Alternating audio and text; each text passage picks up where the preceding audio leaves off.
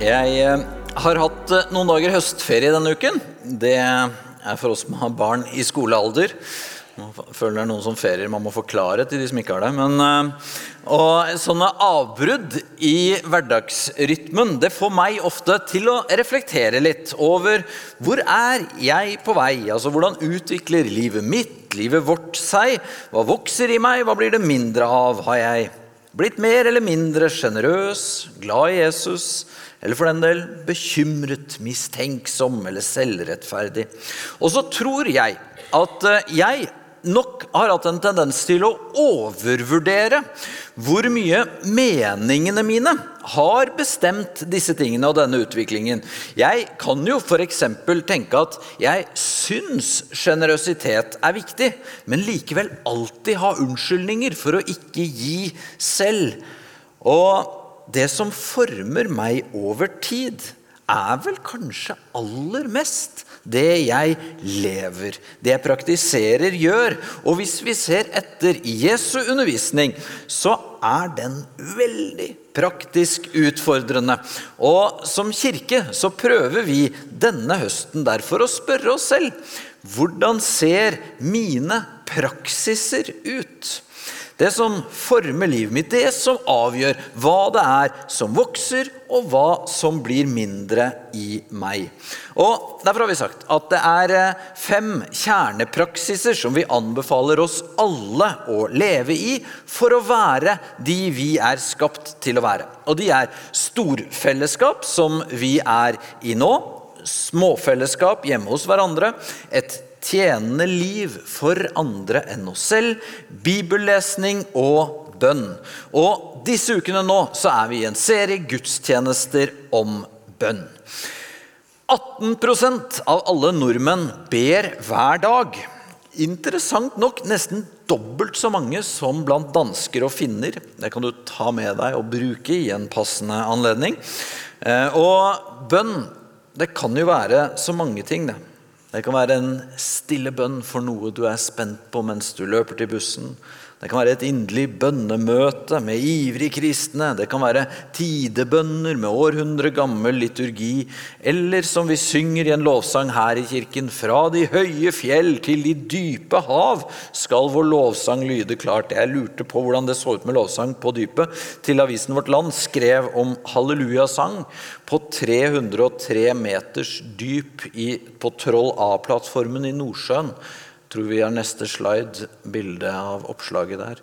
Eh, og det er jo, så det går da også an at vi ber på dypet. Men hvordan skal vi egentlig be? Det er jo ikke alle spørsmål i livet som vi får en sånn veldig konkret veiledning fra Jesus på. Han sier ikke så mye om du bør velge fast eller flytende rente eller kort eller langt hår, men Jesus lærte oss hvordan vi skal be.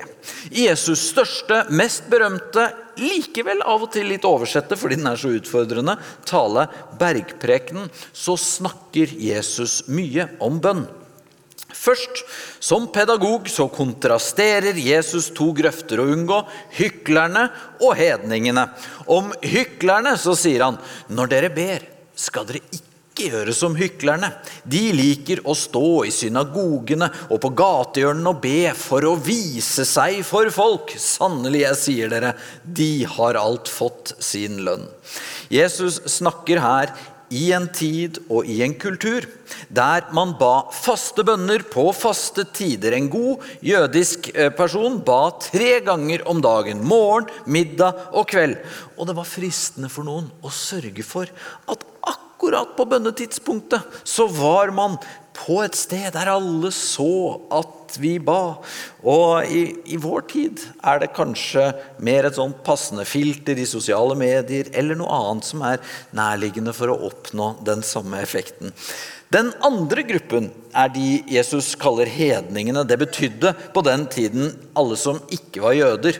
Og her adresserte Jesus fristelsen i å prøve å streve seg opp til Gud med mange og inderlige ord. Og Jesus sa, når dere ber, skal dere ikke ramse opp ord slik hedningene gjør. De tror de blir bønnhørt ved å bruke mange ord. Vær ikke lik dem, for dere har en far som vet hva dere trenger, før dere ber han om det. Så Bønn er ikke for å brife, vise frem vår godhet og fromhet, og ikke for å ramse opp masse ord for å bli bønnhørt. Hva skal vi gjøre da? Men når dere ber, skal du gå inn i rommet ditt og lukke døren og be til din far som er i det skjulte. Og din far som ser i det skjulte, skal lønne deg. Rommet Jesus snakker om her, var egentlig spiskammerset, det innerste rommet i huset, og det eneste rommet vanlige folk hadde på den tiden som kunne lukkes.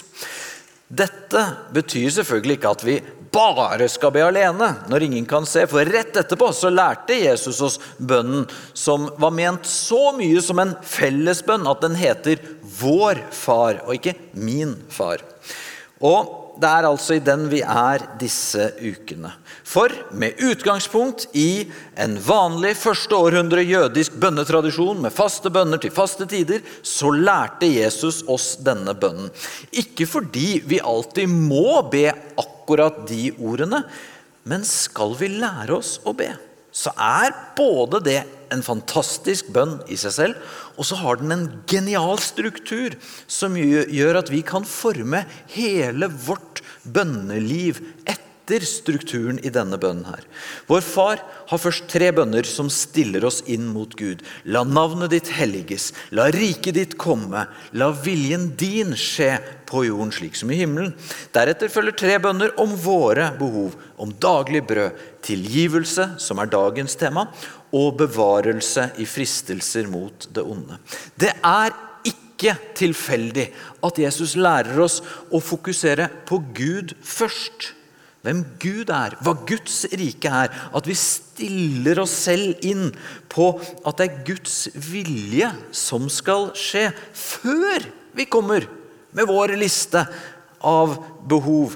For på den måten så lar vi Guds blikk, Guds rike, få forme oss først. For ellers så risikerer vi at vårt perspektiv, våre ønsker å bo, det formes bare av alle andre fortellinger vi har rundt oss hele tiden. Eh, men ser vi først på Gud, så former det vårt blikk på alt annet. Og det var en som sa at 90% av det du ser, sitter på innsiden av øynene våre.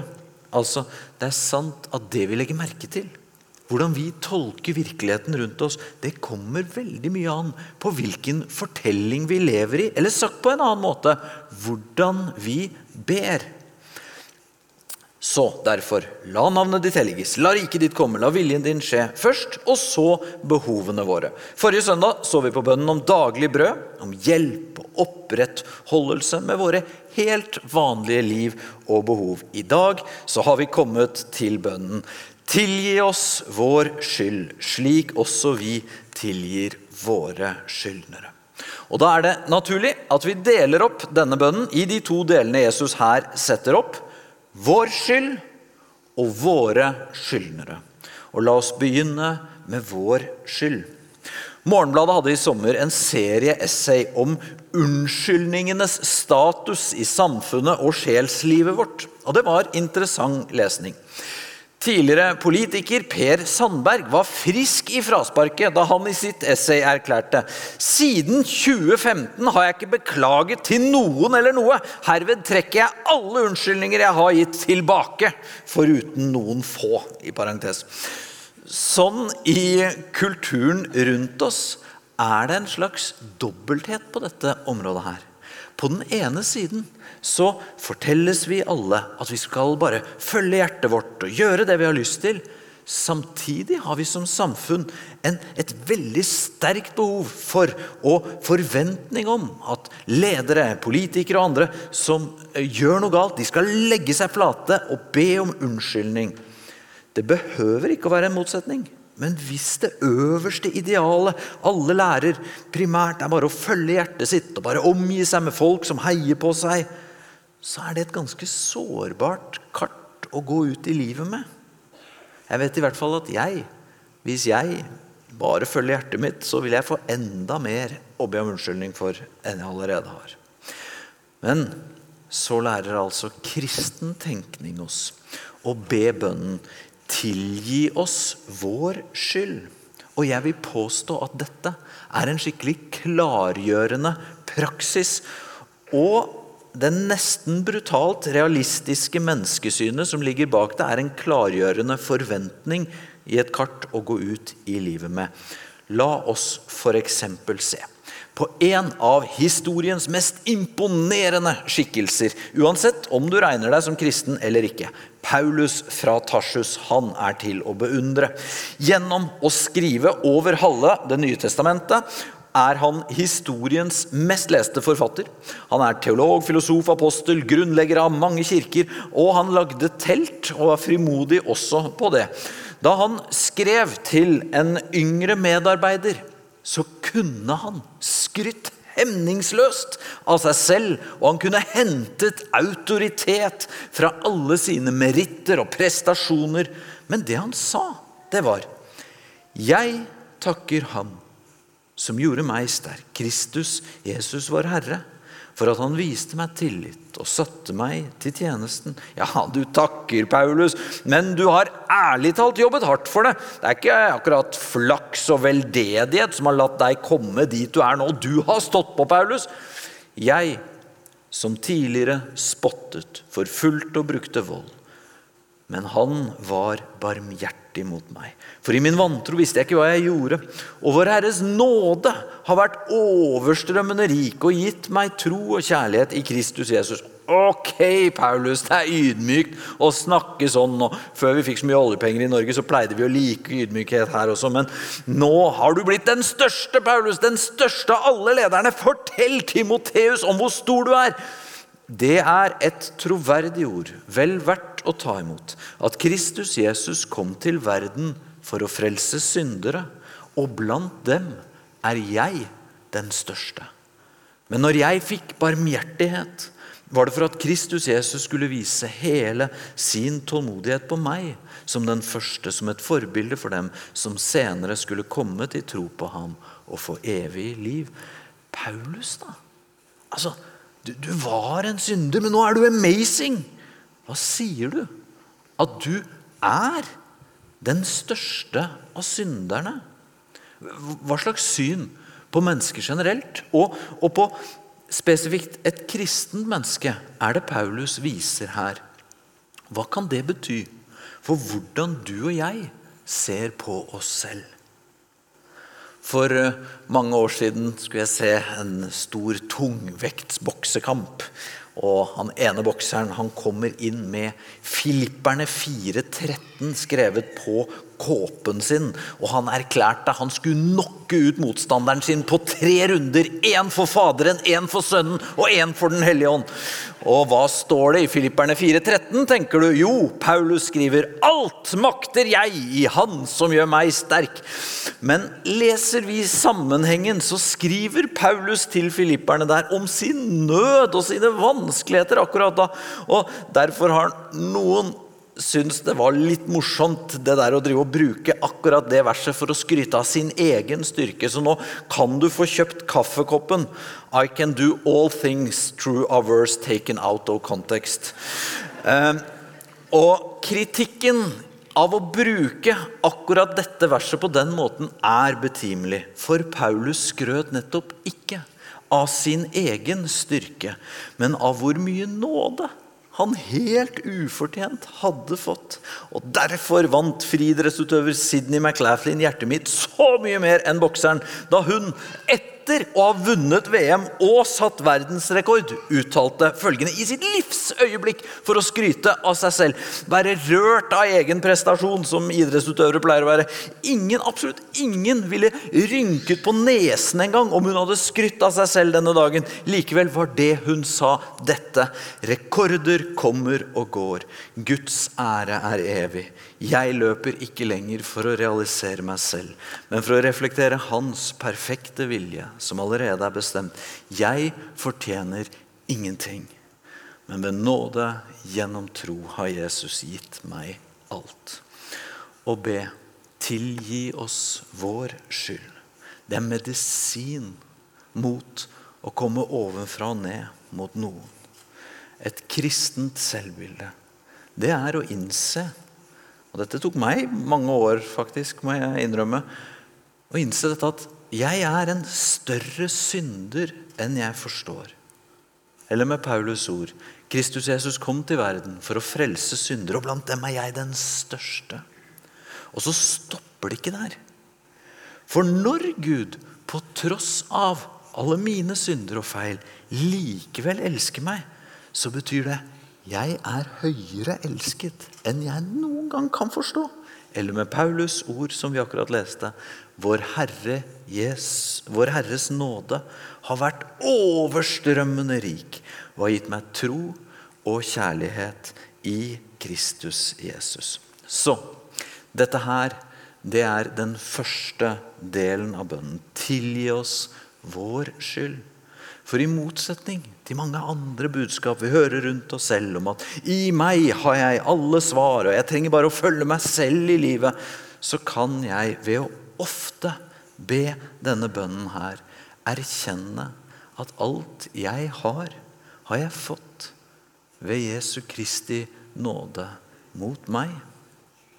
Og da kommer vi til del to. Og den kan for mange av oss være enda vanskeligere enn det å innse vår egen skyld, nemlig å tilgi andres skyld. Eller som det heter i bønnen, slik også vi tilgir våre skyldnere. Men gjør vi egentlig det, da? Og er det riktig å gjøre det? I den nevnte essayserien fra i sommer så problematiserer forfatter Maria Kjos Fond idealet om å tilgi. For det kan legge et press på den som er offer for urett. Hun skriver å føle seg presset til å tilgi kan føles som et nytt overgrep, som man f.eks. har sett i enkelte kristne miljøer, skriver hun. Og det er en vektig og en viktig innvending som vi må lytte til. Så hvorfor lærer Jesus oss da å be om hjelp til å tilgi våre skyldnere? De som har gjort oss urett. Er ikke det egentlig bare at vi legger stein til byrden på allerede slitne skuldre? Her kan en klassisk kristen måte å tenke på eh, hjelpe oss. Fordi idealet om tilgivelse det har to akser. Det går i to retninger. Vertikalt opp mot Gud og horisontalt mot våre skyldnere. Det kan være klargjørende for oss. La oss se det vertikale først. Altså overfor Gud. Jesus sa, men når dere står og ber på en gudstjeneste i Filadelfia-kirken og har noe å anklage en annen for, så tilgi han for at deres far i himmelen kan tilgi dere misgjerningene deres. En konsekvens av den første bønnen, altså tilgi oss vår skyld, det er at takknemligheten og gleden over det ufortjente i Guds tilgivelse mot meg minner meg om å prøve å ha den hjerteholdningen mot andre også. Og For å understreke dette så fortalte Jesus en av sine geniale og utfordrende historier akkurat om dette opptakten til det står i Matteus. Da gikk Peter til han og spurte, 'Herre, hvor mange ganger skal min bror kunne synde mot meg, og jeg likevel tilgi han?' Så mange ganger som syv? En eh, samtidig jødisk rabbinsk tradisjon sa at man skulle prøve å tilgi tre ganger. Så Peter følte seg nok raus da han foreslo syv ganger. Men Jesu matte er annerledes. Og han svarte, ikke syv ganger, svarte Jesus. Men jeg sier deg 70 ganger syv. Og det er et retorisk svar fra Jesus som også betyr at det nytter ikke å telle. Det, det, men dette er mye, Jesus. Mener du det? Jesus fortsatte da med å fortelle en historie om en konge som ville gjøre opp regnskapene sine. Og han sa, da han tok fatt på oppgjøret, ble én ført frem som skyldte han 10 000 talenter. Talenter er litt sånn rar myntenhet. Det er vanskelig nok med dollar og pund og sånn, men litt kjapp matte så er én talent på den tiden tilsvarte 6000 denarer, og én denar var en vanlig dagslønn. Så hvis vi hadde oversatt det til norsk situasjon i dag, så er kanskje en vanlig dagslønn 1500 kroner. I så fall så tilsvarte denne tjenerens gjeld noe over 90 milliarder kroner. Det er, rett på luksusfellen, eh, med andre ord. Det er håpløst mye gjeld, det. Tjeneren tryglet om nåde, og han fikk det. Kongen etterga hele gjelden. Fantastisk! Men Jesus fortalte videre. Utenfor møtte tjeneren en av de andre tjenerne. En som skyldte han 100 denarer. Han grep fatt i han, tok strupetak på han og sa, 'Betal det du skylder'. Vi sa i stad at én denar var en dagslønn. Så i norsk sammenheng nå ville altså denne gjelden da vært 150 000 kroner. Det er ikke noe liten sum, det. For det er ordentlig vonde ting vi mennesker kan gjøre mot hverandre. Men hvis du akkurat har blitt ettergitt 90 milliarder, så er jo 150 000 ikke så mye.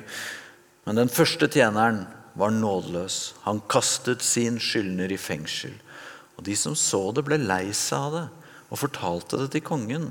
Og det står da kalte Herren han til seg igjen og sa til han, du onde tjener. Hele gjelden etterga jeg deg fordi du ba om det. Burde ikke også du ha vist barmhjertighet mot din medtjener, slik jeg viste barmhjertighet mot deg? Når vi ber bønnen slik også vi tilgir våre skyldnere, så er det dette idealet vi strekker oss mot. Vi er alle som tjeneren som skyldte 90 milliarder, og som fikk det ettergitt. Og derfor kan vi i hjertet, vertikalt overfor Gud, jobbe mot en sånn holdning overfor våre skyldnere. Vi kan be om hjelp til å tilgi våre skyldnere. Og så vil vi være kort eller langt i prosess mot det. Men er det så enkelt? Altså, Kan det ikke da bli sånn som Maria Kjos Fond advarer mot. At vi legger stein til byrdene til den som allerede er utsatt for urett. Tidligere leder i Senterpartiet, Liv Signe Navarsete, forteller disse dager om, uh, i sin nye bok at akkurat denne bønnen, vår far, den ble vanskelig for henne å be på grunn av dette. At hun syntes det var vanskelig å tilgi. Og da kommer vi til denne horisontale tilgivelsen. For ja, det er bra at vi strekker oss mot å tilgi. For vi erfarer jo at bitterhet det legger stein til byrden. Men selv om vi strekker oss mot å tilgi i hjertet, og selv om vi ser den andre med mykere øyne fordi vi vet om vår egen skyld, så er det jo ikke sikkert at forsoning er mulig eller innen rekkevidde. Jesus sa også ta dere i vare. Dersom din bror gjør en synd, så tal han til rette. Og hvis han angrer, så tilgi han. Med andre ord, det kan hende han eller hun ikke angrer. Og da kan forsoning, full gjenopprettelse av en relasjon, være vanskelig eller ikke mulig. Forsoning innebærer også at den andre parten innser det som er gjort, omvender seg, angrer, ønsker ugjort, snur seg bort fra det. Og til og med om alt det er gjort, så kan det være riktig å både politianmelde, sette absolutte grenser for kontakt, la det gå lang tid og andre gode råd. Og det er viktig at vi hører. Så Guds tilgivelse mot oss den er uendelig raus og nådefull. Og i hjertene våre vertikalt overfor Gud så strekker vi oss mot å tilgi hverandre etter dette forbildet. I relasjonene våre horisontalt så bærer vi med oss dette idealet. Og jeg opplever selv at det å si unnskyld det er som en muskel. Man trener det, lugger og er vanskelig. Men det er sant, og det er helbredende å gjøre det. Samtidig så vil ikke alltid forsoning og gjenopprettelse av alle relasjoner være mulig eller bli fullstendige. Dette er en teologi om tilgivelse i lys av vår Far. Når vi ber i bønnen vår Far, tilgi oss vår skyld, slik også vi tilgir våre skyldnere. Så ved å innse vår egen syndighet, så blir det lettere for oss å si unnskyld til hverandre. Så lever vi med større takknemlighet, for vi vet at alt vi har, er gitt oss av Guds nåde. Og det kan skape en mykhet i oss som gjør at vi kan be Gud om hjelp til å tilgi våre skyldnere.